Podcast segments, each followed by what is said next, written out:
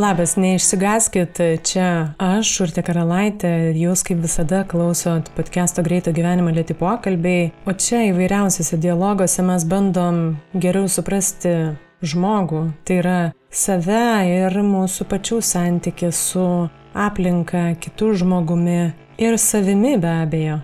Aš vis nerimstu su muzika. Iš tiesų šitas pusmetis besiknaisėjant po lietuviškos naujos muzikos lobynus mane labai įkvepia Kas dar negirdėjo, tai priminsiu, kad karantino metu epizoduose pristatau po naują man įdomų Lietuvos muzikos kurėją ir taip tikiuosi gal supažindinti jūs su naujais garsais, tuo pačiu kartu mes su rėmėjai simboliškai prisidedam prie šiuo metu tikrai vis dar stipriai apriboto muzikos pasaulio kuriejų veiklos.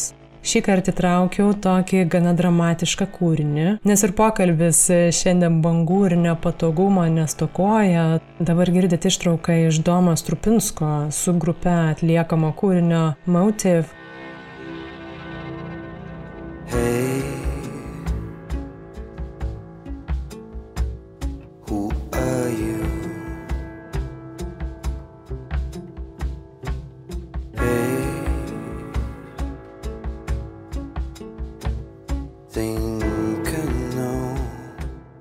Nors tai nėra visai naujiena, man atrodo, kad e, Domo kūryba yra tiesiog nepelnytai per mažai girdima ir žinoma.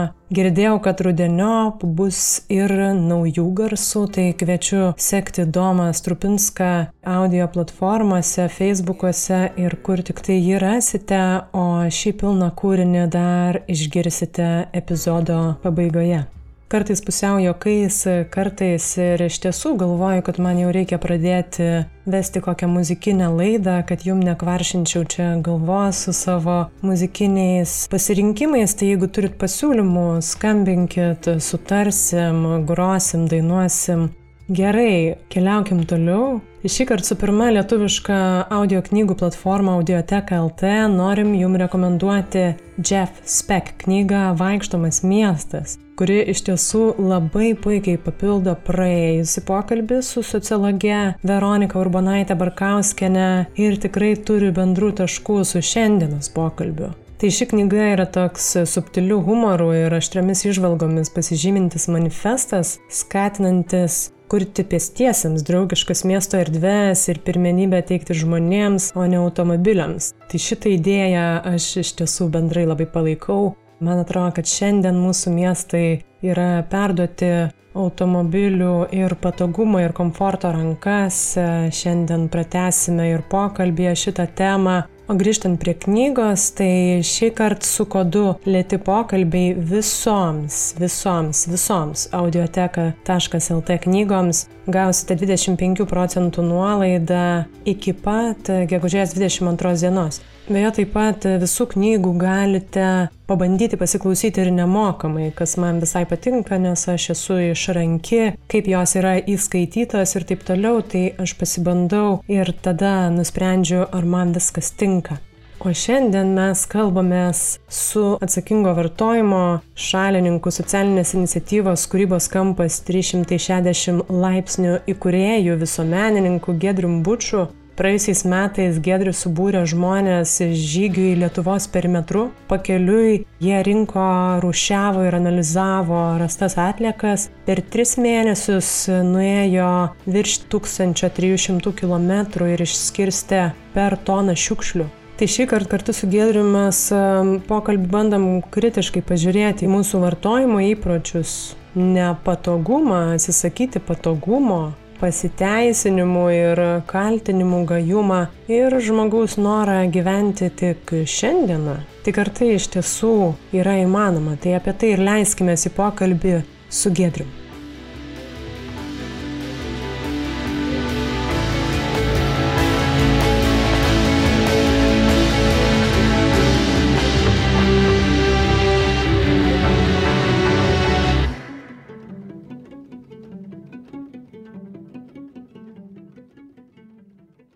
Neseniai ir pats pasidalinai Facebook'e, kad daug dabar e, viešai kalbi, kas yra tikrai labai svarbu.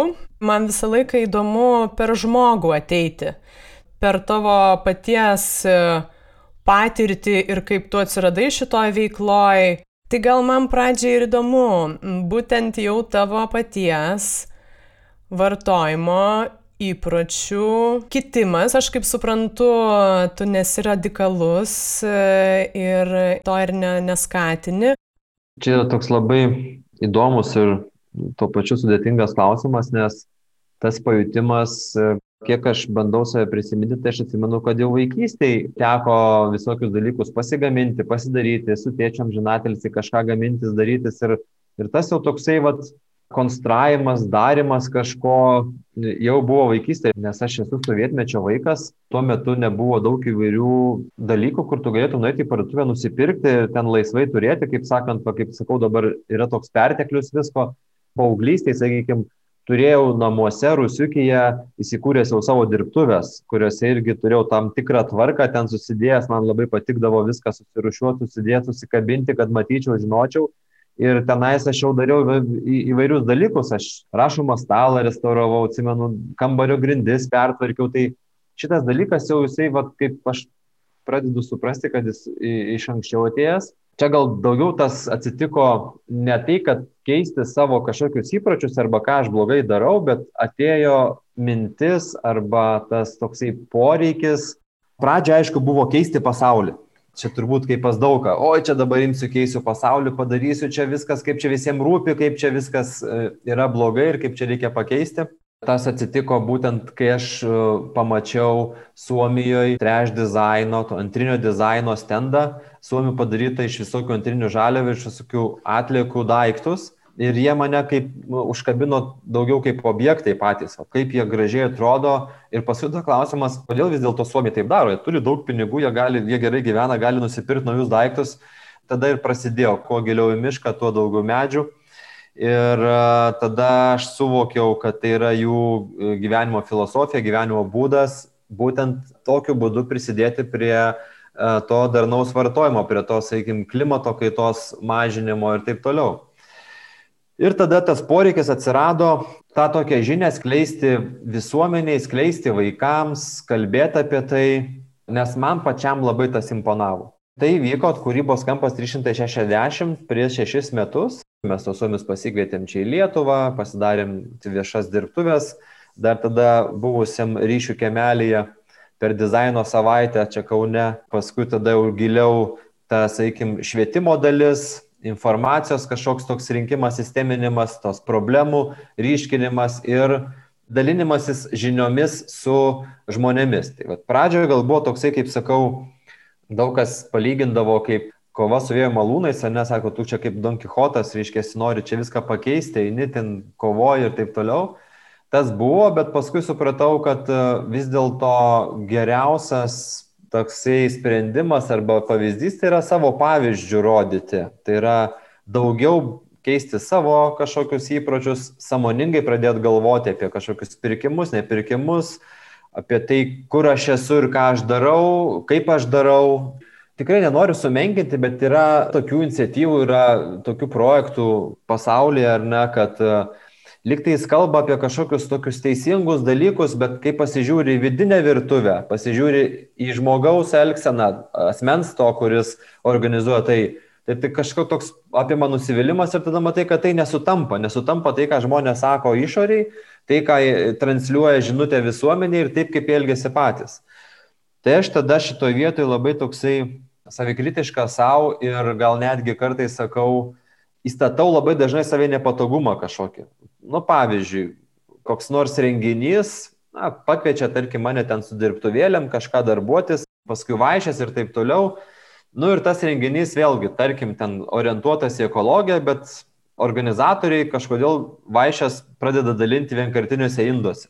Nu ir tada aš sakau, ne, ne, ne, aš tai atsisakau, ačiū, aš tiesiog e, nevalgysiu, nes, nu, sakau, man neprimtina taip. Ir tada į mane taip žiūri, sako, nu, nu mes suprantam, bet Bet supranti, sako, mes kitaip čia negalim padaryti, nu čia dabar nu reikia tos vienkartinius indus naudoti. Aš tai sakau, kad tikrai galim.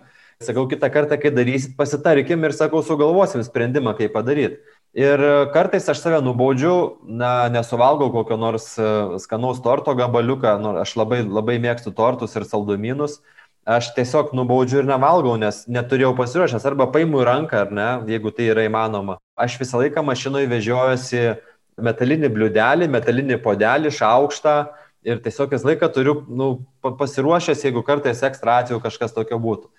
Samoningas, kaip sakant, e, ėjimas link to darnumo, kažkiek tai pastatymas save į nepatogią situaciją, tas vat, prasidėjo ne per seniausiai, sakau, va, kokie vat, penki metai panašiai taip jau, kai pradeda analizuoti ir rodau žmonėm, kad tai įmanoma. Ir tai nebūtinai kraštutinumas. Tai va ir paminėjai vienkartiniai indai, tai čia ir būtų tas tada jau atliekų klausimas e, ir ką ir sakai, prieš penketą metų ar, ar kiek pradėjai ir savo gyvenime į tai atidžiau pažiūrėti. Man va visą laiką įdomus tie pirmieji užčiopimai savo, savo tam tikros klaidos, nes sutikim dauguma iš mūsų ir aš neišimtis ir prieš 10 ir e, prieš 20 metų tikrai retai apie tai susimastydom, tai gal įdomu vat, būtų pažiūrėti, kaip buvo anksčiau, kada tu pastebėjai, kad tau tai netinka, nu, vat, kas tau netinka čia? Aš nepasakyčiau turbūt taip labai konkrečiai kada, bet greičiausiai tai atsirado, kai pradėjau gilintis į tas globalinės problemas, į, į tai, kas vyksta pas mus Žemėje planetoje. Čia ne, gal ne, ne tiek tie vienkartiniai indai, bet jie tokie, aš kaip pavyzdį pasakiau, kalbu apie tą tokį perteklinį vartojimą, tą, na, sakykime, kaip sakau, nedarnų vartojimą, Ir tie indai yra vien, vien, viena iš sudėdamų dalių, bet aišku, yra ir daug visokių, sakykime, kitų dalykų, ir rūbai, ir būtinė technika, ir, sakykime, aplamai daug vienkartinių visokių tokių dalykų, vardan mūsų patogumo. Pradėjau gilintis, pradėjau domėtis, kas vyksta, tai yra resursų eikvojimas, kalnai šiukšlių sukurtų po to. Kitas momentas mane labai stipriai paveikė, nes Dažniausiai apie ekologiją kalbant, kai sakome ekologiją arba ten e, labai žmonės dažnai vartoja e, klimato atšilimas, mes dažniausiai suprantam kaip kažkokį tokį, vat, e, na, ten šiukšlės, kažkokios, sakykime, nu, gal ten resursai, kažkas dar pagalvoja apie tai, bet Junktinių tautų organizacijos duomenimis keturios globalios pasaulinės problemos socialinės, ekonominės, demografinės ir tame tarpe ekologinės yra sukurtos būtent e, perteklinio vartojimo dėka, ne, nu, sakykime, čia ta dėka, tai čia taip kabutėse galima būtų pasakyti, dėl netolygaus resursų paskirstimo. Tiesiog yra labai didelė atskirtis, kas turi daug, kažkas turi labai mažai. Tai vad nėra tik ekologija, tai yra labai labai daug įvairių kitų problemų, kurios pasimato netgi mūsų kasdienybė, bet gal mes tai nesuvedam į kažkokį tai va, tą vartojimą perteklinį, kaip pavyzdys patyčios mokyklose, ar ne? Didžiąją dalim, jeigu pagalvotumėm, kodėl jos atsiranda, tai dėl ko tyčiasi vaikai vieni iš kitų, ar ne? Arba ten randa kažkokį, na, sakykime, vaiką, iš kurio tyčiasi, tai dažniausiai jisai būna iš kokios tai, sakykime, socialios šeimos, gal ne taip apsirengęs kaip visi, gal neturi naujausio modelio telefono ir panašiai ir panašiai. Tai čia yra vartojimo pasiekme iš principo. Ir tai realiai nėra susijęs su ekologija, ta tiesioginė prasme, bet plačiaja prasme su mūsų minčių ekologija, su mūsų to darnumu buvimu, tai yra tiesiogiai susiję. Labai daug tokių pajūtimų, supratimo ateina iš diskusijos. Tai mano, kadangi pagrindinis užsimimas yra neformalus švietimas, dabar karantinas, tas, sakykime, tos sugriežtintos sąlygos, tai nelabai kur čia pastaruosius metus važiuoju, bet anksčiau tai tikrai ir mokyklos, ir bendruomenės, ir, sakykime, ir įmonės pasikviesdavau pabendrauti, pakalbėti įvairiuose renginiuose, konferencijos. Ir tiesiog, kai tu kalbi apie tai, ką tu galvoji, žmonės tada reaguoja. Yra labai smagu, kai reaguoja ir, na, sakykime, galbūt kažką bando ir priešingai pasakyti, tada tu pats irgi mokiniesi. Tai aš irgi daug dalykų išmokau diskutuodamas, kalbėdamas ir dar mokinuosi. Kai aš pradėjau tą socialinę veiklą, socialinį verslą ar socialinį iniciatyvą, gimė šita ar ne kūrybos kampas 360 laipsnių, tai jinai gimė dėl to, kad aš susipažinęs vat kažkurio tuo momentu prieš to šešis metus su ta situacija, kas vyksta pasaulyje, giliai pagalvojau ir man tai pakeisė, atsistojo tas vaizdas, o kas po kiek tai metų, tarkim, tenais po 50, 100 metų, kaip gyvens mano vaikai, provaikai čia ir ne, kokį palikimą jie gaus. Ir tada man toks klausimas natūraliai, o ar aš galiu kažką padaryti, kažką pakeisti, kad na, ta situacija šiek tiek sušvelnėtų ir kad galbūt pasikeistų kažkaip. Ir tada taip kažkokį savo tokį iššūkį ir pasakiau, kad taip galiu, nežinau, kiek to pokyčio įvyks e, va šitam trumpalaikiam periode, bet e, perspektyvą aš manau, kad tikrai ugnelę įžiepsime ir, ir tiesiog perduosim tuos dalykus, galų galėtas netgi reikia ir apie vertybės jau pradėti kalbėti, nes tos vertybės, aš taip sakau, irgi jau kaip ir perprogramuojamos yra visų mūsų gamintojų, pardavėjų, apie paprastus dalykus kalbant, jeigu net aš vaikų klausiu, sakau, o kas jums yra kalėdos? Tai dažniausiai vaikai sako, kalėdos yra dovanų metas. Ir jie yra teisūs, nes taip yra visur parašyta. Laikraščiuose, žurnaluose, ant parduotuvių vitrinų dovanų metas. Tada aš klausiu, o kodėl jums taip atrodo, kad yra dovanų metas, Jie tada sako, kad tokios tradicijos. Tai aš tada sakau, žinot, tokių tradicijų bent mano uh, močiutė tikrai neturėjo. E, Netokios tradicijos kalėdos turėtų būti, bet vat, jie dabar taip gyvena. Ir tai yra kalba apie tai, kad tas vertybės mes kažkaip turim pabandyti atstatyti. Ir aš čia dabar kaip tik pirmadienį, va šią, šią savaitę e, per žinių radiją išgirdau pokalbį apie žydų vaikų auklėjimą. Ten labai aiškiai pasakė, nepasakysiu vardo pavardės moteriškės, kuri kalbėjo apie tai, jinai pasakė, kad pas žydus pas mus vertybės nesikeičia iš kartos į kartą, jos yra tos, tokios pat. Sako, gali būtent priemonės gal kažkokios pasikeisti, einant laikmečiams, keičiantis laikmečiams, bet vertybės yra tos pačios ir vaikai tas vertybės tiesiog gauna iš tėvų ir kitaip negali būti. O dabartinė šita mūsų santvarka, ta tokia demokratija, jinai kartais persiverčia į, į, į tokį chaosą ir anarchiją ir tos vertybės kažkokios tokios vat išsiblaško. Ir, ir tai man labai buvo svarbu, darant visą šitą, sakykime, nežinau kaip čia projektą.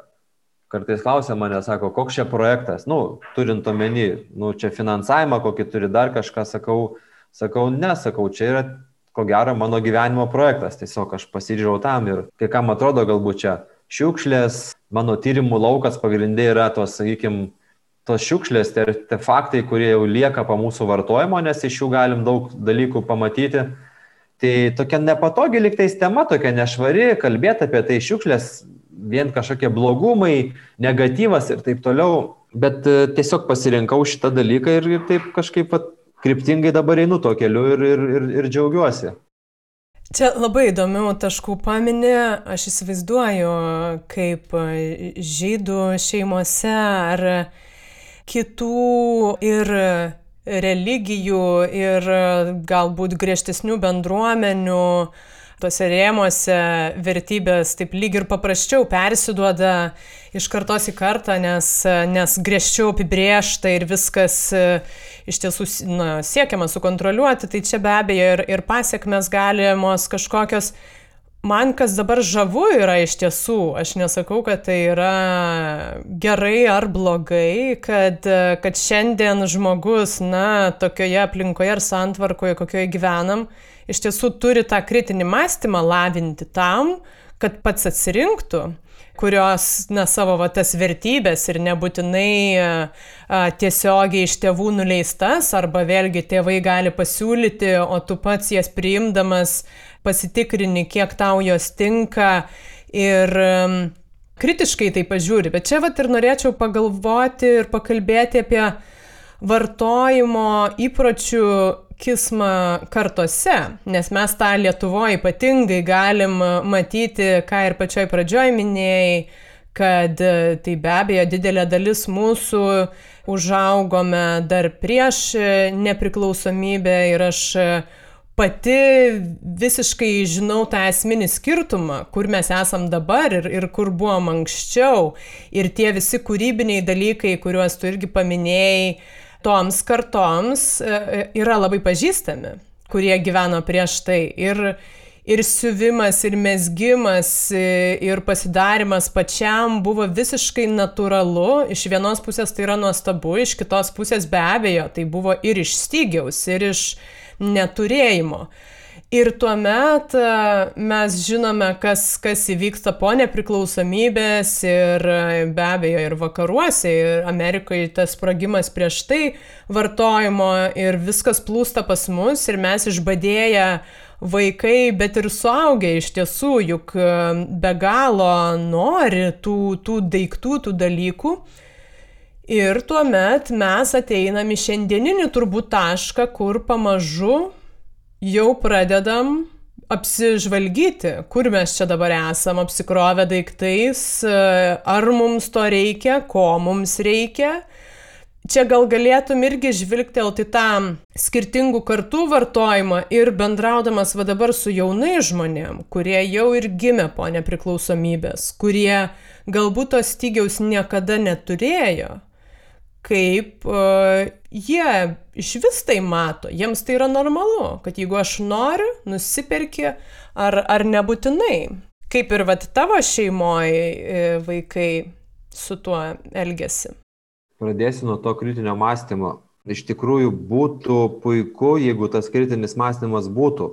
Mes truputėlį tokią kaip aliuziją susikūrėm greičiausiai kad, e, na, ta demokratija, vartojimas, čia viskas laisva šalis, kritinis mąstymas, mūsų pasirinkimas, laisvė, bet e, to kritinio mąstymo, man atrodo, kad tikrai labai trūksta, nes jeigu kalbėt apie, apie, apie marketingą, apie vartojimą, viską mums sukuria gamintojas. Labai aiškiai sudėlioja mums žinutę, ką mes turim pirkti, kodėl turim pirkti, kiek kartų turim pirkti. Ir ne tik tai jis sudėlioja žinutę, bet ir tam tikrus dalykus ir užprogramuoja. Ar ne? Mes žinom, kad būtinė technika sugenda po garantinio laikotarpio ir tai yra faktas ir tai yra sisteminiai dalykai, su kuriais dabar jau bandoma kovoti. Tai to kritinio mąstymo tokio ne pas daugą yra, tai aš visą laiką kalbėdamas apie tuos kraštutinumus, daugam sakau, būtent turėkim tą kritinį mąstymą ir ne, nešakinėkim ten, kad visiškai, visiškai dabar nieko nepirksiu, nieko nedarysiu, čia būsiu tas zero waste nuo rytojaus vartotojas, nes zero waste principas jis iš principo nėra įmanomas.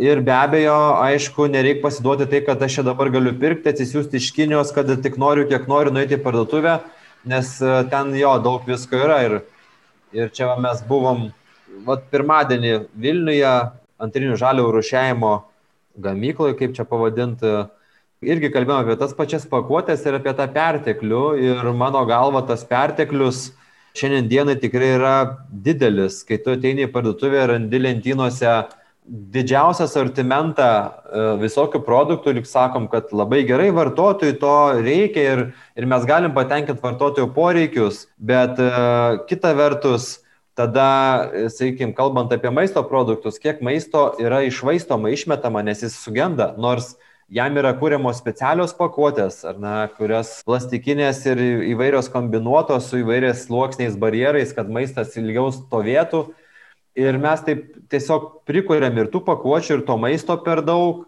vietoj to, kad turėt šiek tiek tokį nepriteklių. Sakykime, kad atėjau, pasirinkau, pasiemiau ir norėčiau, laukčiau vėl, kad tą galėčiau nusipirkti kažkiek, ar ne, ne tai, kad dabar laisvai. Dabar prisimenu, kaip e, juokdavausi iš babos amžinatilsi, kai jinai irgi taupydavo visokius dalykus, dėdavo kažką tai juodai dienai, sakykime, ten tų, aišku, ten maišelių tokių nebuvo, tai dėdavo į drobinius maišelius. Tada liktais juokdavomės mes iš babos ir paskui patys tapom tie tokie vartotojai. Atsirado darbai, ten šeima, tada čia perkam, seną metam, nereikia, kam čia dabar yra viskas ir taip ratas liktais kaip ir sukasi. Be abejo, tada atsirado ir galimybės, ar ne, daugiau, daugiau turėti, daugiau nusipirkti, nors jeigu kalbant apie tą sovietmetį, tai irgi taip nebuvo, kad e, žmonės nepirko, ne? nes pirko tada plamai gaivališkai, e, jeigu stovi eilė kažkur prie parduotuvės ilga, stosiu eilę, nesvarbu, ką parduoda ir tiesiog ateis eilė, mano eilė, aš vis tiek nusipirksiu, kas ir kas ten bebūtų. Nes reiškia, čia yra geras daiktas ir jisai paduodamas taip pat tik tais labai retai ir, ir, ir todėl pa žmonės būdavo dabar net dabar ištraukia visokius servizus senus, kažkokius šviestuvus, nes aš kai užsiemu šiek tiek tuo antriniu dizainu, tai žmonės žino ir man būna parašo, paskambina, sako, va, ten gavom palikimą ar ne, sako, va, yra kažkokių daiktų, tai aš pasiemu tos daiktus, tai va, sakau, net supakuoti sovietmečio šviestuvai nauji, e, net nepajudinti spintoje stovėjo, va, kiek metų, ar ne, tai tas irgi toks nebuvo e, teisingas kelias, kai buvo visiškas deficitas, ar ne, bet ir perteklius, kuris dabar yra, irgi nėra teisingas kelias. Kaip surasti aukso vidurį, kol kas nežinau, turbūt niekas nežino. Ir greičiausiai turbūt tai turėtų būti per samoningumą, per to vartotojo samoningumą arba per minimalistinį gyvenimo būdą. Suprasti, turėti tiek, kiek tau reikia čia ir dabar. Va. Šiandien dienai tau reikia, tu nusipirki, turi, naudoji, vartoji, ar ne? Nereikia kažkokio. Ir kaip dabar va, tas daiktų keitimas, ar ne? Tai realiai, jeigu tai pasižiūrės, kiekvienas mūsų daiktas yra mūsų gyvenimo laikas.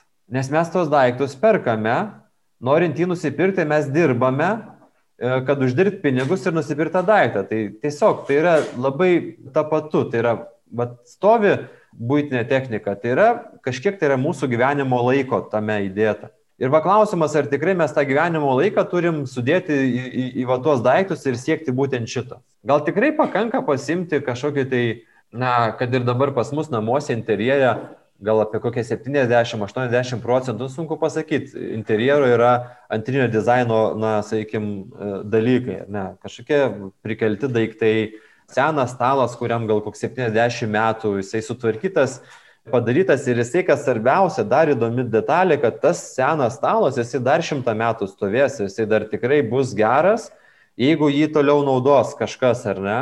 O dabartiniai daiktai, jie užprogramuoti yra trumpam naudojimui. Čia vat irgi yra blogybė. Kaip su vaikais šeimoje, visko būna, nes e, vėlgi yra sociumas, ar ne, vaikai pakankamai saugia jau yra vyresniam sūnui 24, jaunėlis 19 va, bus greitai. Jie gyvena irgi ir šeimoje, bet ir turi savo sociumą, kur ateina, sakykime, ten su draugais būna ir taip toliau. Ir kartais pas mus atsitinka tokių, na, pasišnekėjimų, kodėl ne taip, o šitaip reikėtų daryti. Ir randam kažkokią tą susitarimą kartais, vienaip ar kitaip, bet nėra taip, kad e, būtų visiškai sakytų taip, e, pritarėm tau, nes to mano mintim šimtų procentų nu, mažai kas pritarė. Bet gal dėl to ir yra gerai, tiesiog, nes dėl to tu pats tada dar kažkiek tobulėjai, tada bandai aiškinti, žiūrėti irgi tokiu kritiniu mąstymu, nes jeigu čia visi pritartų, tai tada nu ką, tada sėdi savo atsisėdė, sakai, va, žiūrėkit, čia koks aš teisus, teisuolis ar ne, ir čia kaip viskas yra gerai. Tai tas nepritarimas ir ta diskusija duoda to tokio vat, supratimo. Bet jeigu taip uh, apibendrintai, tai vat, man čia dabar vat, ne per seniausiai, kaip tik vat, po to viso rušiavimo, po to, sakykim, aš pagalvojau, kad tikrai turbūt e, mes geriau gyventumėm, jeigu turėtumėm šiokį tokį nepriteklių negu perteklių. Ar taip atrodo? Aš taip galvoju, nežinau, gal tikrai čia kažkas ir nesutiktų su tuo, bet e, kad mes dabar turim, kaip sakau, čia kalnus visko ir, ir patogumą ir, ir, ir visokius servisus, tai nereiškia, kad mes geriau gyvenam. Bet e, ta bendraja prasme, ne, holistiškai arba, arba ta bendra ekologija. Be abejo, čia klausimas, ką reiškia geriau, nes aš tikrai girdžiu, ką sakai ir apie, ir apie daiktus ir, na, aš iš tiesų labai panašiai gyvenu ir man viskas, ką tu sakai, yra pažįstama, bet aš suprantu, kad, kad toli gražu taip nėra visiems. Ir, ir čia va įdomu, kaip žmogui iš tiesų emociškai tą suprasti, ne tik logiškai nes naujas daiktas suteikia džiaugsmo. Ir aš girdėjau net ir vat, praeitais metais, kai buvo pirmas karantinas ir, ir užsidarė visos parduotuvės. Ir aš aplink girdėjau tokių problemų, kad uh, žmonės e, dabar negali vat, savo baldų keisti, jiems vis norisi čia kažkaip atsinaujinti, tai mes vėlgi kalbam ne apie reikiamybę kažkokią, kad man reikia lovos, kurioje miegoti, bet aš tiesiog noriu atsinaujinti ir čia tas atsinaujinimas gali per visus lygmenis e, namų, įvaizdžių, automobilių ir taip toliau. Tai va šito aš asmeniškai niekaip nesuprantu, nes aš neturiu tokio poreikio nusipirkti kažko tik tam, kad atsinaujinti. Bet uh, tokių žmonių yra daugybė ir va įdomu, kaip gali va tas emocinis ryšys keistis. Nes be abejo mes matom iš vieno kampo ir mes vertinam tą seną stalą, bet mes iš tiesų negalim niekaip įtikinti kito žmogaus vertinti to seno stalo, nes jisai vertina naują. Tai čia aš kaip ir sakiau, grįžtų prie to pačio, kad e, jį įtikina pirkti naują stalą, naują rūbą ar dar kažką gamintojas. E, jie turi didelę galę, jie turi daug pinigų tam, visa mados industrija kaip pastatyta ant to tiesiog ar ne. Tegul nesupyksta, bet turbūt tą silpną žmogų visą tai skatina pirkti, būtent atsinaujinti, nes reklama parodė kažką tai naujo. Pažiūrėkim, kaip sukonstruotos reklamos, ar ne, koks naratyvas yra ten. Labai jeigu taip įsižiūri ir įsigilini, tai labai viskas aišku, ten, sakykim, e, jeigu tu neturėsi to naujo, tai tu, nu, iš principo būsi loseris. Jos visos taip sukonstruotos yra. Kitas dalykas, tas sociumas, ar ne, vaikai, kodėl nori naujų daiktų, todėl kad, reiškia, draugas turi, klasiokas turi naujo daiktą. Ir vėl tada tas užsiveda, kaimynas nusipirko kažką naujo, tai ir mums reikia atsinaujinti. Va tas, va, būtent tas toksai silpnumas ir noras būti geresniu už kažką lemia tokį mūsų visą visuomenės tokį požiūrį į tą pirkimą, į tą vartotojiškumą. Ar mes, kaip sakant, su savo tuo senu stalu priversim to žmonės arba įtikinsim juos turėti tą seną stalą, turbūt ne, bet galbūt jeigu mes turėsim tokį stalą, tai kažkas gal pamatys, gal kažkam tai patiks, kažkas tai pasinaudos tuom, pakartos tai. Jeigu kalbant dabar apie tą tokį poveikį, įtaką tokią, tai aš tikrai džiaugiuosi, negalėčiau pasakyti, kad ten galbūt kažkokių konkrečių pasiekimų ir aišku, yra žmonės, konkretų žmonės, kurie pasakė, kad pasikeitė jų mąstymas, pasikeitė jų elgsena, vien dėl to, kad mato tai, ką aš darau ir tai, ką aš kalbu, kad aš dalinuosi tą informaciją.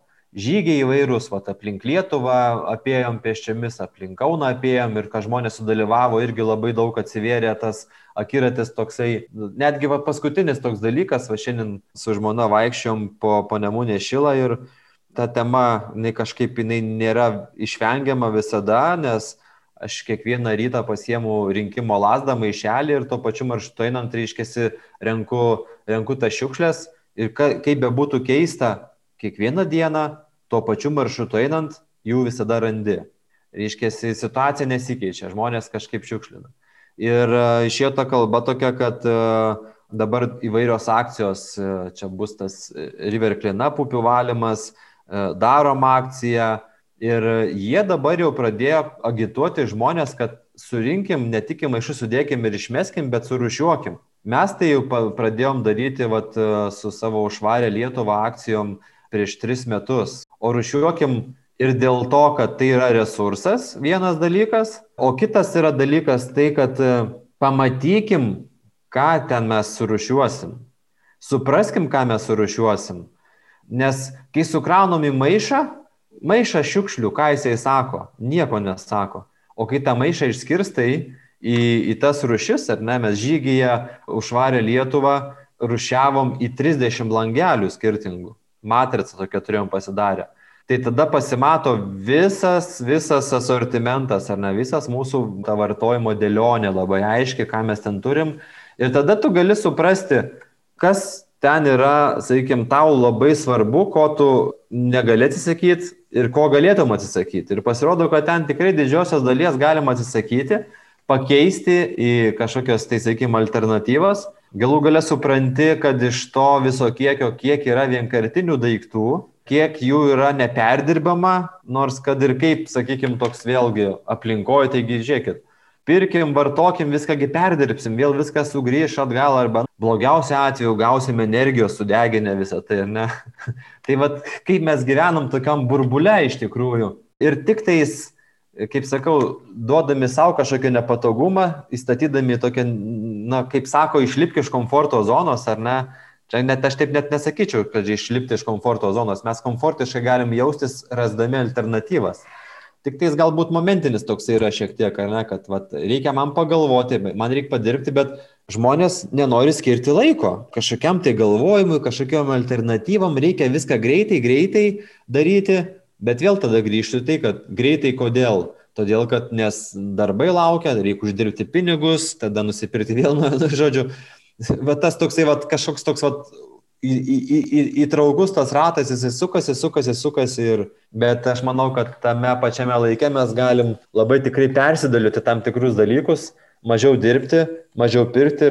Vėl aišku, čia tas toksai, kas yra geriau gyventi, bet aš galvoju, kad, na, nu, taip kokybiškiau, būnant labiau gamtoj, su gamta, e, džiaugtis ne tuo naujų daiktų, ar ne, kurį nusipirkom. Taip, mes ir apie pakuotės kalbėjom, kad čia irgi yra jau įvertintas dalykas, kad žmogui didžiąją dalį malonumo suteikia netgi to daikto išpakavimas.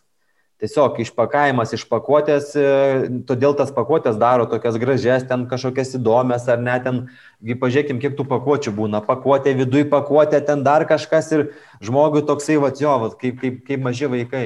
Ir e, džiaugtis reikia vieni, vieni kitais, ar ne, džiaugtis žmonėmis galų gale mieste, ten toj pačioj kaviniai, nusiperkam kavos podelį, įpila vienkartinį paduką mums, uždeda dangtuką, uždeda šiaudelį ir taip labai grubiai pasakysiu, įspiria į užpakalį ir sako, tu varyk toliau, nes tu skubi, tau reikia bėgti. Ir tada žmogus bėgdamas, ten eidamas geria, mašinoje geria, su dviračiu važiuodamas geria. Vietoj to, kad pas, atsisėstum kaviniai prie staliuko, įpiltų į, į, nu, į daugkartinį gražų podelį, išgertum, pabendrautum su kažkuo, su tuo, kas sėdi šalia galbūt, niekur neskubėtum, ar ne, kokia, bet visai kita kokybė gyvenimo. O dabar visur kaip voverės rate, bėgam, bėgam, lekiam, lekiam ir, ir tam mums kuo toliau, tuo labiau kūrė sąlygas. Kūrė sąlygas gamintojai, kad mes tik tais patogiai taip viską turėtumėm, daug turėtumėm, kad atėję parduotuvę lentynoj rastumėm nebūtų tuščia ta eilutė, reiškia, mūsų to produkto, ar ne? Ir kalbant apie tos priekybos centrus, kuriuose yra labai daug visko, na, sakykime, maisto, ar ne? Palyginus mažas krautuvėlės kažkokias, vietinės rajonuose būna tokios kioskeliai, dar kažkas tai. Bet pažiūrėkim, ten į tą kioskelį atėjus arba į turgelį atėjus, praktiškai irgi visko galima nusipirkti. Nu, tik tais bus ne ten, sakykime, 50 asortimento, bet bus gal ten, sakykime, 5 ar ne? Ar ten iš viso gal vienas kažkas tai. Bet e, kad tu gyventum, pragyventum ir turėtum tą produktą, sąlygos yra. Nereikia gaminti, reiškia, tiek. Nes tas gaminimas vėl, kaip sakau, sukuria labai daug kitų tų problemų. Mm, labai, labai sunku, aišku, čia vienareikšmė atsakyti tą klausimą, kaip čia mes turėtume išspręsti, ką mes turėtume daryti. Bet jo, va tą tikrąjį kritinį mąstymą reikia įsijungti tas, sakykime, laisvės turėjimas be įsipareigojimų ir be pasiekmių supratimo, tai nėra kritinis mąstymas. Tiesiog tai yra laisvė, kuri va, ta, nutrūkau nuo grandinės ir varau. Nes laisvė yra nutrūkti nuo grandinės ir pasileisti, reiškia, plaukus ir bėgti, ne? Ir neaišku, į kur bėgti, kurią pusę bėgti, svarbu bėgti. O, o tai yra vertybių klausimas. Tai yra vertybių klausimas, kurias mes turėtumėm įskiepyti, perteikti savo vaikams, be abejo šeimoje, bet ir labai svarbus sociumas, mokykla ir visi kiti užklasiniai dalykai, ten, kur jie daugiau laiko praleidžia iš principo. Mokyklose to nevyksta. Mes ir dabar tas vertybės tam tikrą prasme irgi skiepijam. Tai aš ir norėjau truputį grįžti pačioj pradžioje apie tą kritinį mąstymą. Tai be abejo aš sutinku, kad jo e, kartais pritrūksta, bet aš tikiu, kad mes ir kalbėdamės ir dabar, ir tos ausis, kurios mus girdi, ir tos galvos irgi pergalvoja tuos dalykus ir lygiai taip pat veikia ir man pačiai, kai aš va ruošiausi pokalbiui su tavimi ir pažiūrėjau tą video iš e, atliekų rušiavimo centro. Iš tiesų, kiekvienam žingsnį gali būti kažkokių naujų suvokimų, net ir labai mažų, kurie tave priverčia susimastyti, jeigu tu tą žingsnį sauliaidi dėti. Kitas dalykas, ką aš vat irgi užsikabinau ir visiškai drąsiai tau antrinu tą žmogaus silpnumą, kad pasiduoti dėl to komforto, dėl tos laisvės ir gyvenimo baigtinumo e, idėjos, kad gyvenam tik kartą ir leiskim savo pasimėgauti ir galim pasiekti viską. Ir aš čia be abejo tą patį marketingą irgi turiu omeny, nes kapitalizmas būtent tuo ir žaidžia, kad mes esam galingi, mes galim turėti tas lyginimas su kitais, ką minėjai prieš tai, mus irgi skatina, nes mes kitai būsim prastesni, nes, nežinau, galingi, vertingi žmonės yra tik gražų žmonės, tik su nauju automobiliu ir taip toliau. Man čia labai įdomu būtų vat, paliesti, nes ir tu paminėjai ir verslą. Ir galvodama apie vat, atsakingo vartojimo tokią grandinę, pagalvoti, vat, kur stovi verslas, kur žmogus, koks čia santykis. Nes iš vienos pusės galima sakyti, na, va, kad priekybos centrai čia apsikrovė per daug tų prekių, per daug tų pakuočių. Dabar be abejo visi mėgina komunikuoti, kartais šiek tiek ir spekuliatyviai, kad mes čia žali ir, ir labai e, tvarumą ir darnų vartojimą palaikome, bet tuo pačiu kitoj rankoje mums siūlydami kažką pirkti. Kas čia už ką atsakingas? Tai verslas atsakingas, kad mes perkam per daug. Ar mes atsakingi, kad prašom verslo mum parduoti? Tai čia yra tas pats klausimas, kaip e, kas pirma kiaušinis ar višta. Iš principo panašus klausimas yra, bet jeigu žiūrint, e, sakykime, verslo sampratą ar ne verslo dėsniais, yra taisyklė ar ne tokia, jeigu yra paklausa, bus ir pasiūla. Aš labiau kalbu būtent apie tą vartotojo samoningumą ir vartotojo įtaką verslui. Kas atsakingi tai atsakingai mes esam visi. Jeigu mes rodysim pirštais vieni kitus, tai tikrai nieko gero nebus. Nors čia dabar dažnai daugelį e, sričių e, vieni kitus pirštais kažkaip rodyt pasidarė madinga. Iškėsi, tas blogas, tas toks, aš, aš geresnis. Atsakingi mes esame visi, tiek vartotojai, tiek verslas, gamintojai, nors tie patys gamintojai irgi yra vartotojai tiek e, politikai, ne, kurie e, kažkiek tai reguliuoja, kažkokius įstatymus priema ir taip toliau. Nuo ko turėtumėm pradėti, kas turėtų pradėti keistis?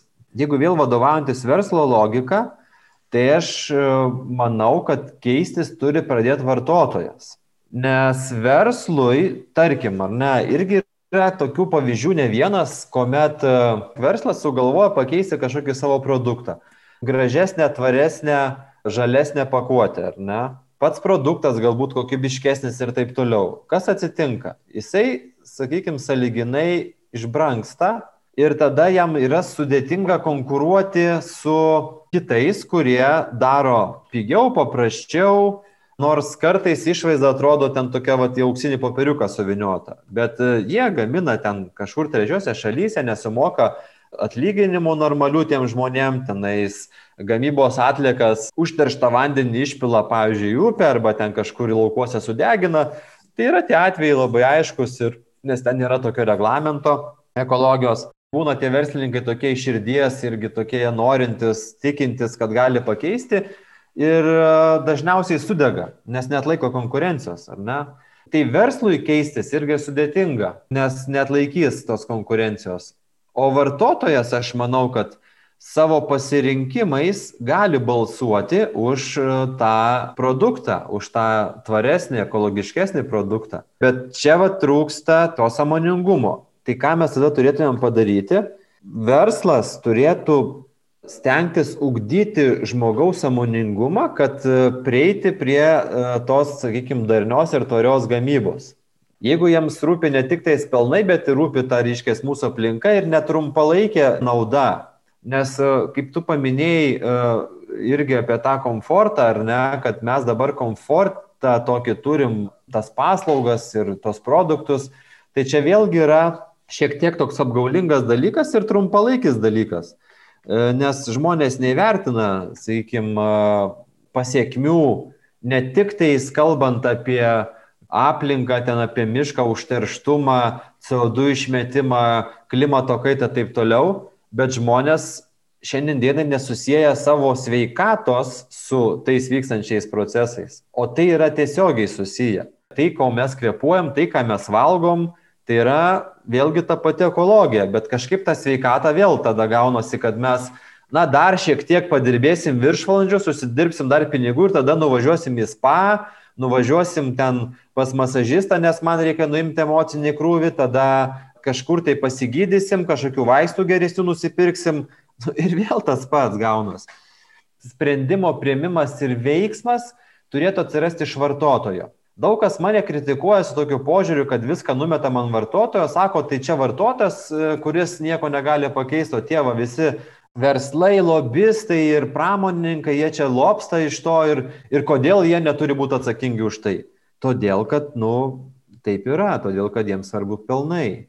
Ir jiem yra svarbus pelnai na, mūsų sveikatos sąskaita. Tai jeigu mums rūpi sveikata, jeigu mums rūpi mūsų vaikai, mūsų ateities kartos, ta aplinka, kurioje mes gyvenam, pradėkim tada keistis, pradėkim daryti patys žingsnius, reikalaukim, kaip sakau, balsuokim, pirkdami tai, kas mums yra geriausia primtina. Tada kitas toks dalykas sako, taigi žiūrėk, naini prekybos centrą, taigi ten viskas labai aiškiai patikta. Taip, taip yra. Ir tai čia nėra laisvas pasirinkimas. Vėlgi, čia nėra laisvė. Mums yra padėtas meniu, iš kurio mes turim rinktis. Bet jeigu labai norėtume, mes tikrai šiek tiek įdėję energijos, šiek tiek laiko, galbūt paukoję, mes tikrai galim rasti. Pradėti nuo mažų žingsnelių. Pirkti turgelėje kažką, ten pirkti kažkokią tai, atkreipti dėmesį į pakuotę, nes yra pakuotės. Pavyzdžiui, pomidorų padažą galima nusipirkti ir plastikiniai pakuotėjai, ir stikliniai pakuotėjai. Laisvai, ar ne? Nu, aš nekalbu, tada reikia pažiūrėti sudėti ten taip toliau, bet yra daug dedamųjų, bet, bet jeigu kalbėt apie tvarę pakuotę, tai faktas, kad tada geriau pirkti stiklinį negu plastikinį. Nu ir ne tik tvarumas, bet čia net ir sveikatos e, atžvilgių, nes e, plastikas jisai nu, sukuria tam tikrus dalykus, neigiamus mūsų sveikatai. Stiklas ne. Tai tikrai yra tų pasirinkimų, tik tais vat, mes tada vėlgi kažkaip galvojam, aha, šitas mačiau šitą reklamui, šitam padaryta akcija. Tai vat perku tai, kas yra tikrai prabangiau, gražiau, nors realiai gal ten tas turinys, kai pasižiūri, gal tik tais buteliukas gražesnis, ten kažkoks pavadinimas importinis, ar ne, nes to importinio mes dar vis kažkaip labai norim, o turinys kartais sudėti paskaičius šiek yra prastesnis. Tai ko mes norim? Tai pasirodo, kad vartotojas labiau nori pakuotės, nori įvaizdžio ir taip toliau, o ne turinio. Kvepalai, kvepalų pramonė, ne, pabandyk atspėti, koks santykis yra to skyščio kainoje, ne, kaip procentaliai sudaro skystis ir visa kita. Buteliukas, ten pakuotė, marketingas, kiek, vad koksai santykis būtų procentais, kaip tau atrodytų. Tai dabar jau, kai uždavė taip klausimą, tai be abejo norisi galvoti, kad mažai. Nežinau, galvočiau apie 20 procentų tuomet. Nu, tai panašiai taip ir yra. 20 procentų kainos sudaro tas skystis, kurio realiai žmogui reikia. Nu, čia dar klausimas, ar reikia to kvepalo, čia jau kitas, bet čia net nes nesigilinkim. O visa kita sudaro e, pakuotė, ten marketingas ir taip toliau, taip toliau, tai yra 80 procentų. Ir žmonės mielai už tai moka pinigus. Čia be abejo mes susidurėm ir su tuo e, vizualinio e, pasaulio šiandieninio svoriu, kai vizualumas tampa labai svarbu, galvojant ir apie visas socialinės medijas, kad viršelis tarsi vos nesvarbiau negu turinys, nes taip mes galim save kažkaip pristatyti kaip vizualiai vertingus. Aš nežinau, kad tai, tai tarsi ant tų svarstyklių e, tos pačios pusės. Aš noriu dar gal prie verslų truputį grįžti. Aš tai visiškai sutinku iš tiesų su, su tavo mintim. Mm, kad visgi vartotojo rankose turbūt yra daugiausia Ir iškart į galvą atėjo e, pavyzdys, kad aš manau, kad aš nesuklysiu, kad dar prieš dešimt metų mes neturėjom kavos išsinešimui mados. Jau pasaulyje tikrai visur buvo, bet aš gerai visai prisimenu, nes kaip tik tuomet grįžau gyventi į Lietuvą ir mes neturėjom ir to greito gyvenimo tokio, kad čia visi lekia, visi kavą pagrebė, e, bėga į autobusą, troleibusą, Pas mus gal net ir dabar to nėra, na galvojant apie Londonus, New Yorkus, kur tu neišvengiamai valgai traukinyje, važiuodamas ten valandą į darbą. Tai čia taip ganėtinai abstrakčiai pažiūrėjus į tą laiką, prieš tai nebuvo poreikio šitom vienkartiniam pakuotėm praktiškai visai. Na, išskyrus gerai ten tuos vienkartinius podelius, nežinau, kažkokiuose piknikuose, Bet išsinešimui maistui irgi praktiškai nebuvo. Net visi šitie McDonald'ai, kitos užkandinės, jos iš tiesų nebuvo tokios populiarios kaip dabar. Dabar visur viską galima pasimti išsinešimui, nes tai čia ir matyčiau, kad vartotojas pradėjo skubėti, pradėjo norėti dar greičiau gyventi, pradėjo valgyti važiuodamas automobilyje ir nežinau, visur bėgdamas tai jisai ir padiktuoja tuomet, kad duokit man viską išsinešimui. Taip, tai yra dalis, dalis tiesos, kad lik vartotojas padiktuoja, bet e, tai vėlgi tai yra didelis verslas, ar ne? Kavos savikaina yra pakankamai maža, palyginus už tai, kiek žmogus moka. Ir e, buvo naudinga kavos pardavėjams išplėsti tą tinklą. Tai kavą mes dabar galim nusipirkti ir degaliniai, ir prekybos centre aparate. Turbūt nėra tokios vietos, kur kavos nenusipirktum. Iš principo, čia nu, verslo yra dalis, kad tą poreikį suteikė, įnorino žmonės tai vartoti greitai.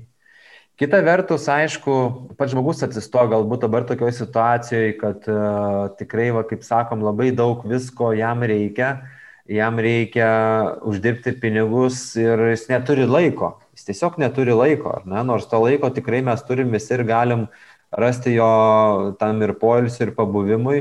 Ir tas, va, tas bėgimas, toks lėkimas čia, nu, tiesiog viskas persipina. Nežinau, čia taip keista pasakyti ar uh, ironiška. 2005 metais aš dirbau greito maisto restorane Kaune buvo toksai pirmas greito maisto restoranas Džiugas, dar McDonald'o nebuvo. Ir aš, nu, vadovaujantį darbą ten dirbau. Turbūt čia tokia karma. Mes ten tiek sukurdavom tų vienkartinių indų ir išsinešimui, ir popieriniai tie podeliai, ten visokių gėrimų. Ir, nu, žodžiu, viskas buvo vien, vienkartiniai. Ir ten per dieną būdavo didžiausi maišai. Tai aš dabar turbūt sakau, ta karma tokia yra, tai kol aš nesurinksiu dabar aplinkoje tiek šiukšlių, kiek kažkada sukūriau, turbūt tą ir darysiu. Taip, be abejo, tai atėjo, atėjo iš vakarų, ar ne tas toksai skubėjimas, lėkimas. Ir uh, mes puikiai gyventumėm be viso šito. Galų gale gerai, na, tvarko vėlgi, kaip sakau, yra alternatyvos, na, neikime kraštutinumą, ar ne, kad dabar turim uždaryti visus, sakykime, tos kavos taškus, ar ne, nu gerai, žmogus dabar jau taip priprato, taip nori, uh, Vienas dalykas, jeigu ten galbūt tos kavos nori, gali pasidaryti namuose, įsidėti savo termosinį podelį, įsipilt ir e, tada keliauti darbą ir išgerti, bet nėra tam laiko, nes vėl viskas greitai. Tada kitas dalykas, gali tą termosinį podelį duoti toj kaviniai, kad tau įpiltų tą podelį. Ne, tai tikrai yra galima padaryti. Bet vėlgi kažkodėl žmonės nedaro, nes, nu, paskui tada antro podelio, kai norėsi, tada reikia šitą išsiplauti, vėl tada kur išsiplauti, kaip išsiplauti, ten kažkas man buvo sakę, kad tada užpelyje. Atsiranda tas toksai, kad man reikės kažkaip tai pasukti galvą dėl to, kad va, kažką išplauti, kažką susitvarkyti. Dantis taigi valom kiekvieną dieną. Nu, nėra taip, kad aš čia dabar kažkas turi man kažkaip juos išvalyti arba kažkokį tai galbūt išras kas nors tokį maistą, kur valgydamas valysis dantis, ne kaip, nu, ale šunims yra kramtukai, kur valo dantis, žinai, tai gal žmonėm kažkada kažkas išras, nu ne, valysimės, savo higieną rūpinamės kažkaip, na ir ta savo sveikata tokia, liktais taip tiesioginė prasme bandom rūpintis, bet nepamatom tų tokių paslėptų dalykų. Tai jo, skubėjimas jis toks yra, jisai išeina iš mūsų kartu su e, su tais verslais, kuriems tai yra labai paranku ir jie dažnai sukuria mums tuos dalykus.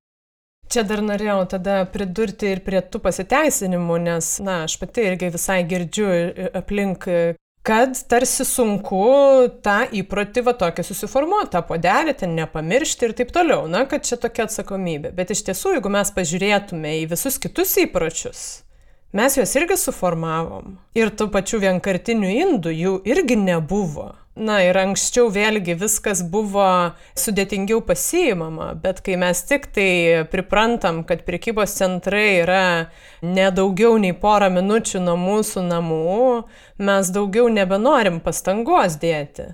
Čia vėlgi tas pats abipusis ir verslo tikslas kuo patogiau, kuo greičiau, kuo arčiau mūsų būti ir degalinės, ir degalinėse viską gali rasti, kad tik tai galėtum pasitenkinti Ir tuomet to tokio papildomo, nu, vat, naujo įpročio suformavimo, kad tikrai pažadu, kad tą podelį įsimesti su savimi yra minimalios pastangos, kurios greitai tampa visiškai naujų įpročių, bet e, pasistengti ir tą pirmą žingsnį dėti reikia.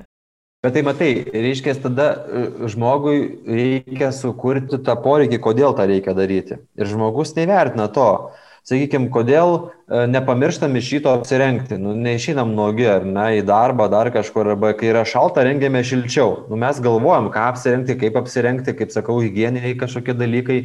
Viskas kaip ir yra, nes mes galvojam apie save. Šiuo atveju tas podelis, nu, liktais kaip ir ne apie mane, nors realiai tai yra labai daug apie mane ir daug apie mūsų aplinką.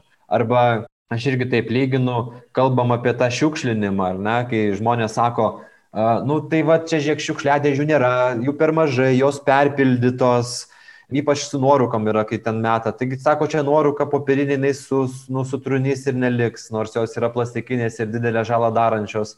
Ieškam to pasiteisinimo tokio, kad, nu, vat, nepatogu. Tai aš tada sakau, na gerai, prispyrė tave reikalas, ar ne, nu, didesnis, mažesnis, nesvarbu, gamtinis reikalas, taigi nedarai ten, kur stovi dabar. Nu, tiesiog ieškai, kur tą padaryti tarkim, priekybos centre, nu, nedaraigi ten, va, čia, va, iš karto, ne, nu, nes, arba nedarai į kelnes, ne, nes, nu, tai nepatogu ir, nu, visai kaip čia tu atrodysi, reiškia. Nes tai yra apie tave, ar ne, aš apie save galvoju tada. O, va, kai kažkokie atsiranda tokie, tokie dalykai, kur, na, manęs šiuo metu labai neliečia, arba net ne, ne, nepagalvoju, kad mane tai galbūt liečia kažkaip kitaip ir tiesiog elgiuosi taip, kaip man patogu. Ir tada dar tada, jo, aš ten bandau kaltinti, iškesi, kad kažko per mažai, kažko trūksta, kažko nėra. Nežinau, ar aš čia galiu pasakyti, gal pipsiuką uždėsit, sakau, mes išpindėjai esam labai. Visa tai, kas yra patiekta mums, tai yra toksai, vad, imkite, darykit, vartokit ir būsit patys geriausi. Nors realiai tai taip nėra. Tai čia ir yra, va ta apgavystė. Ir tas nepatogumas įdomu yra, kad, na, vėl prie atliekų grįžtant, nesinori į tas atliekas ten gilintis ir dėti pastangų, kurių iš tiesų reikia žymiai daugiau net negu aš esu įdėjus, suprantant, kad tikrai ir, ir pats rušiavimas yra žymiai sudėtingesnis negu kad mūsų tie keli atskirti konteineriai kiemuose ir, ir ten e, informacijos tikrai yra žymiai daugiau e, negu taip vad prabėgom pamatome ir tada tikrai truputį užsimerkti ir tą maišą greitai išmesti vėlgi galvojant, kad tai ne apie mane, Nes aš jau, jau viskas, jau jį išmečiau iš savo gyvenimo ir nenoriu apie tai daugiau galvoti, kaip ir tą podelį. Tai čia yra tokio irgi nusilpno žmogaus noras pabėgti tiesiog nuo tos ir akistatos, ir nepatogumo. Nes iš tiesų tai aš ir ruoždamasi šitam pokalbiui, nu aš pati turėjau dar kartą ir dar kartą savo priminti, kad aš dar turiu labiau pasistengti. Gerokai labiau net galvoju, kad šitas pokalbis daugam gali būti nelabai malonus ir nelabai gal ir nori žmonės to klausyti. Vienareikšmiai taip ir bus. Yra tokių net atvejų, kai žmonės pasidalina, sako, vad nutariau būti dabar tas betliekis gyventojas nuo kažkada tai ir sako, aš dvi savaitės pagyvenau ir supratau, kad tai yra ne man. aš taip negaliu gyventi ir mečiau tą reikalą ir daugiau prie jo negrįšiu. Tai todėl sakau, darykit mažai žingsneliais. Pasirinkit vieną kažkokį tai dalyką, nu, kokį drobinį maišelį pradėkit neštis į parduotuvę. Ir, ir yra tų sprendimų po truputį mažai žingsneliais. Jeigu sekat, matot, tai tas padės jums išlaikyti e, tokį stabilumą, e, ne iš karto pult e, iš šiltos vonios į šaltą dušą, ar ne, tiesiog komfortiškas perėjimas, ar ne, tai nebus, kad iš karto poliau į purvą veido, ar ne? Radikalumas skleidžiant savo žinias, e, darant savo veiklą, vėlgi, jeigu aš pradėčiau sakyti, kad taip ir ne kitaip ir turim dabar daryti taip, kaip čia kažkas sako, arba čia aš kaip sakau, tai dažniausiai žmonėm yra atmetimo reakcija. Nu, tiesiog žmonės yra tokie, e, nes nenori to tokio e, prievartinio dalyko. Lygiai tas pats būtų ir iš, sakykime, valstybės institucijų, ar ne, jeigu kažkokiais įstatymais ten baudom ir taip toliau pradėtumėm tą daryti. Tai čia aš tada jau taip sakau, kad e, iš principo turi būti ir samoningumas, ir sistema. Nes vienas be kito neveiks. Na, būsim mes labai labai samoningi, bet sistemos nebus. Nu, nieko tada nepadarysi. Na ir atvirkščiai, jeigu bus sistema ir nebus samoningumo, irgi neveiksinai. Iškesi mes turim prasitą aukso vidurėlį, bet kokiose situacijose ir, ir vat, būtent tą kritinį mąstymą įsijungus, galvoti apie tai ir mažai žingsniukais eiti. Kritinis mąstymas lygiai taip pat e, veikia ir tose madose. Žaliosios mados, kurios ateina, aš sakyčiau, yra gerai. Viskas yra tvarkoj, tik tais e, kartais vėl padaroma tokia meškos paslauga, ar ne? Kaip pavyzdys, e, na, tame pačiame pakuočių vat, rušiavimo centre kur buvom pirmadienį ir bus filmukas neužilgo apie tai. Radom dantų pastos, neminėsiu prekinio ženklo, dantų pastos e, paruoštą spaudos lapą tom dėžutėm ar ne. Nesukarpytas, bet tiesiog, gal tam braukotas buvo dar kažkas.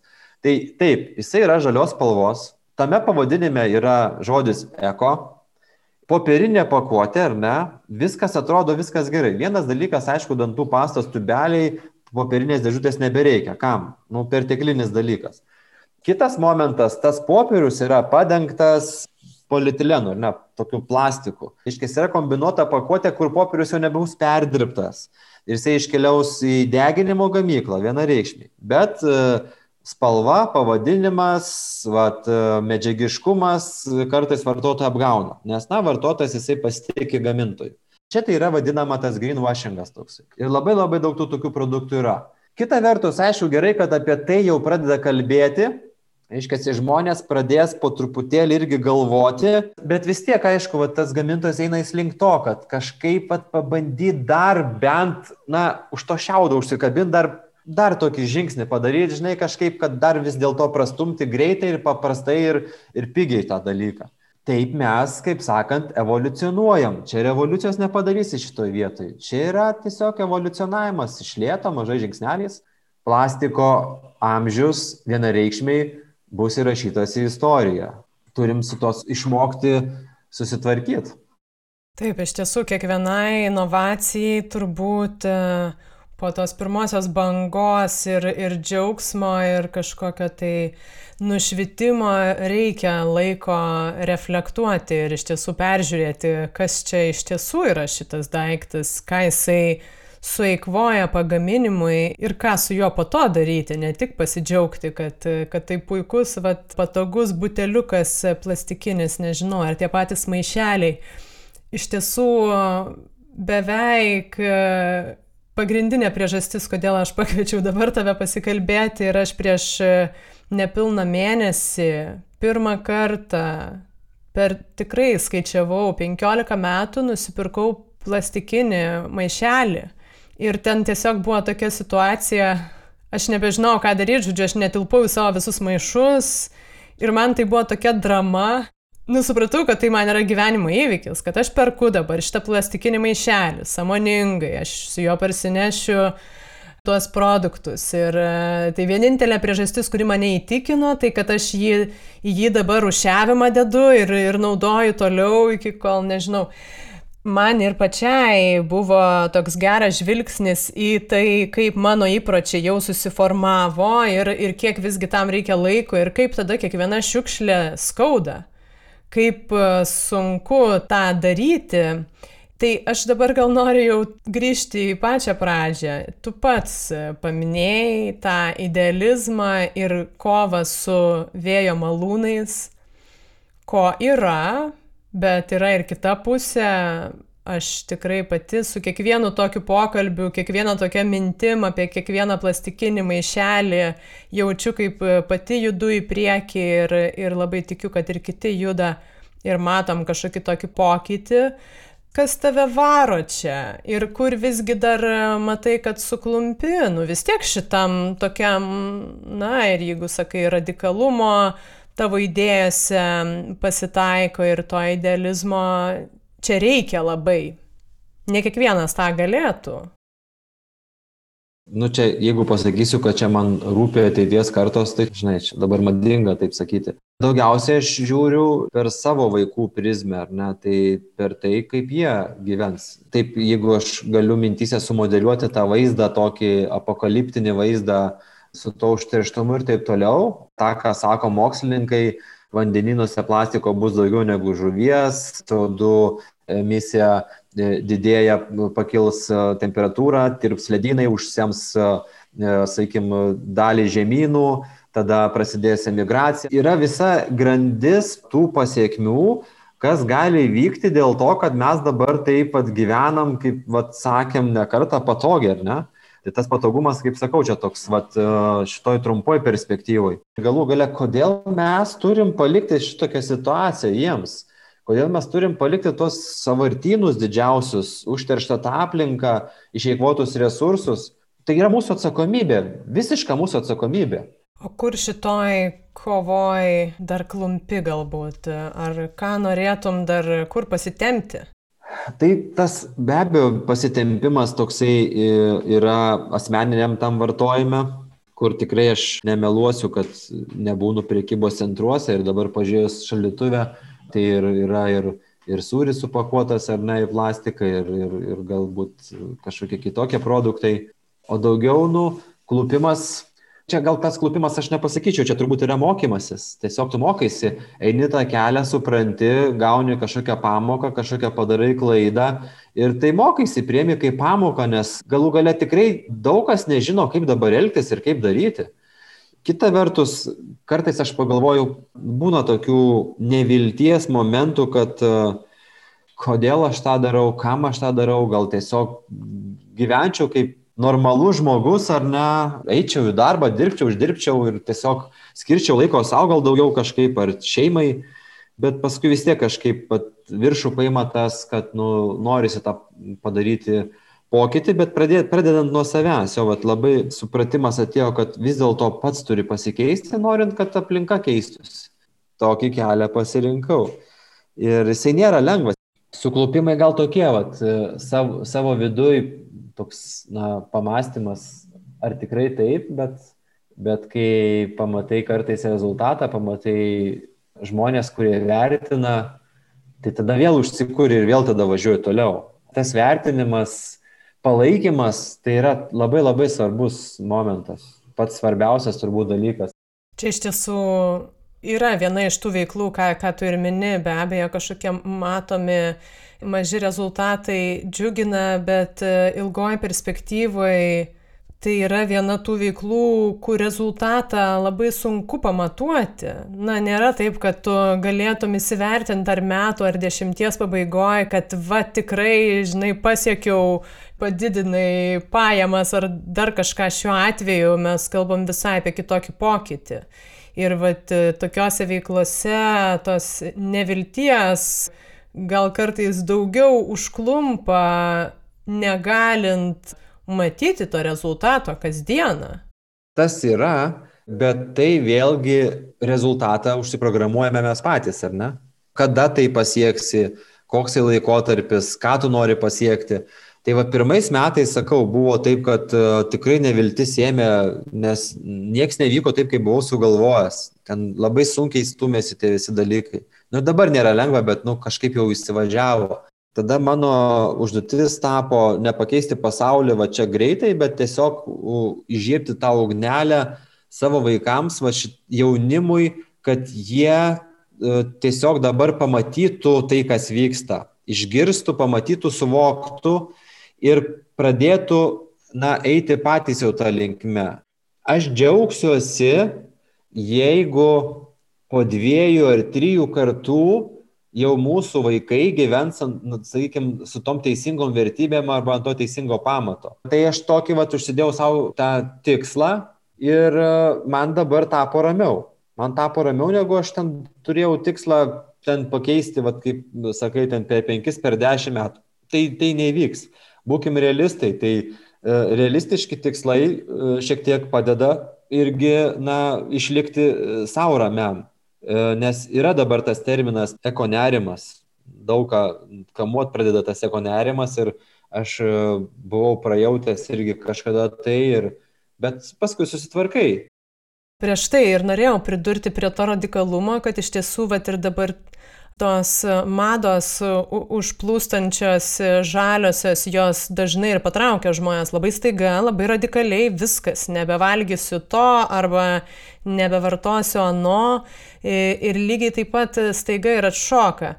Tai čia aš tikrai labai ir pritarčiau, ypač su tokiomis veiklomis, panašiai turbūt ir aš veikiu ir, ir daugybė tokių um, veiklų yra, kuriuose galutinis rezultatas, galutinis pokytis e, tavo rankose yra neįmanomas. Ir, ir galima tik tai kažkokius mažus pakeliui formuotis, kad, kad tas, vat, kaip minėjai, ir nerimas nesusprogdintų galvos ir, ir širdies. Labai teisingai, labai teisingai sakai, kad e, na, galutinis ypač tokiuose veiklose tikrai nepriklauso, nes nu, galutinis rezultatas būtų tada, kai va, tu nori iškasti duobę, iškasi ją, tada matai, kad iškasi, ar ne? Bet čia yra keisti žmonių įpročius arba užnorinti, kad žmonės keistų savo įpročius. Čia netgi nekeisti, net, net tu negali keisti tų įpročių. Tiesiog e, padaryti taip, kad jie norėtų. Tai čia yra, na, tikrai tu niekada ne, ne, nežinosi, kaip tai vyks. Taip, tai ir todėl tas užtrunka ilgiau. Aš čia dar tik tai sutikčiau irgi, kad e, ypač darbui su vaikais ir jaunimu na, bet ir, ir suaugusiais, ta mintis, kuria tu galbūt pasidalini, ta informacija, tos žinios, jiem gali būti visiškai nauja. Ir va aš šitą vis galvoju, kad e, pasiūlius tą mintį, įdėjus bent kruopą jos į, į galvą, tai yra ta, pra, tas pradžios taškas, nuo tos minties galbūt kažkas atsispirs, nes jos iš vis iki tol nebuvo. Nesvarbu ar apie rušiavimą, atliekas, vartojimą, Tai, tai čia jau yra dideli žingsniai. Ačiū tau, Gedriau, šį kartą ir už daug įvairių minčių ir, ir diskusiją, ir vat už tas um, minčių kruopas, kuriomis ir su ateities kartom daliniesi, kad tas pokytis pamažu artėtų. Ačiū, ačiū ir tau už pakalbinimą. Truputėlį kitu kampu, negu dažniausiai kalbina mane. Tai man irgi buvo įdomu pabendrauti ir kai kurios dalykus irgi apmaščiau, netgi tiesiog ieškodamas atsakymo. Ir tai yra gerai, kai mes kalbam apie tai.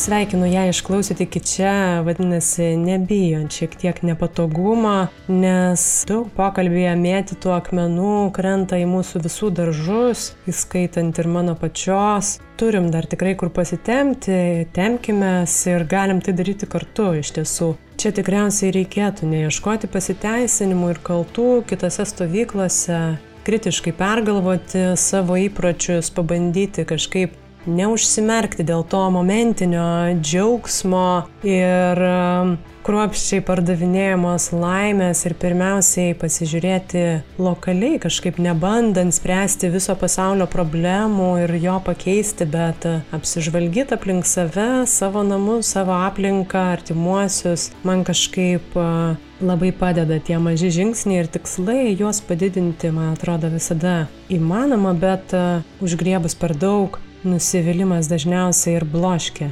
labai žemai ir skaudžiai. Tai geras pavyzdys to yra ir podcastas. Kiekvieną kartą aš iš naujo džiaugiuosi, kad šituos reguliarius ir visiškai nemokamus visiems prieinamus pokalbius kuria jau tikrai labai didelė podcasto bendruomenė. Tai ir komanda, ir dvi nuostabios praktikantės dabar yra remėjai, partneriai ir jūs visi, kurie klausot. Tai va tie maži tikslai ir maži žingsniai panašu, kad veda visai toli, nes va sukūrėme visi kartu tai, kas mus kas kartą skatina pajudinti galvas, neužsisėdėti, kvestionuoti, kalbėtis, diskutuoti ir kažkaip judėti, net jei ir pamažu. Podcast'o kūrimą dalinai finansuoja Spaudos radio ir televizijos rėmimo fondas ir Žygimantas Kvarčevskis. Podcast'o draugai Vilniaus universiteto radio stotis Start FM, portalas 15 minučių ir daugybė jūsų, kurie prisidedat Patreon platformai. Jeigu norit prie pokalbių kūrimo simboliškai prisidėti ir jūs, tai galit padaryti patreon.com pasvirasis brūkšnys lėti pokalbiai. O visą podcast'o pokalbių kolekciją, kurioje jau lygiai 70 epizodų rasit Spotify, iTunes 15 min klausyk, kitose programėlėse bei karalaitė.com pasvirasis brūkšnys podcastas. Priminsiu, kad epizodai išeina kas antrą trečiadienį, bet jų tikrai nepraleisite, jei seksit podcastą Instagram ir Facebook paskiruose arba jums patinkančiose audio platformose. Na ką, šį kartą visiems palinkėsiu neužsimerkti, neįsipatoginti kartais veidmainiškame komforte, nesiteisinti, nebijoti tų nepatogių temų, geriau tiesiog padėkim savo keistis. Čia podcastas Greito gyvenimo lėti pokalbiai su jumis, kaip ir kiekvieną kartą buvau aš, Urte Karalaitė ir visuomenininkas Gedrius Bučas. Leiskit dar pavirti savo mintims ir emocijoms su Domas Trupinsko ir grupės kūriniu Motive. Iki kitų tikrai nepažadu, kad patogesnių kartų. Iki.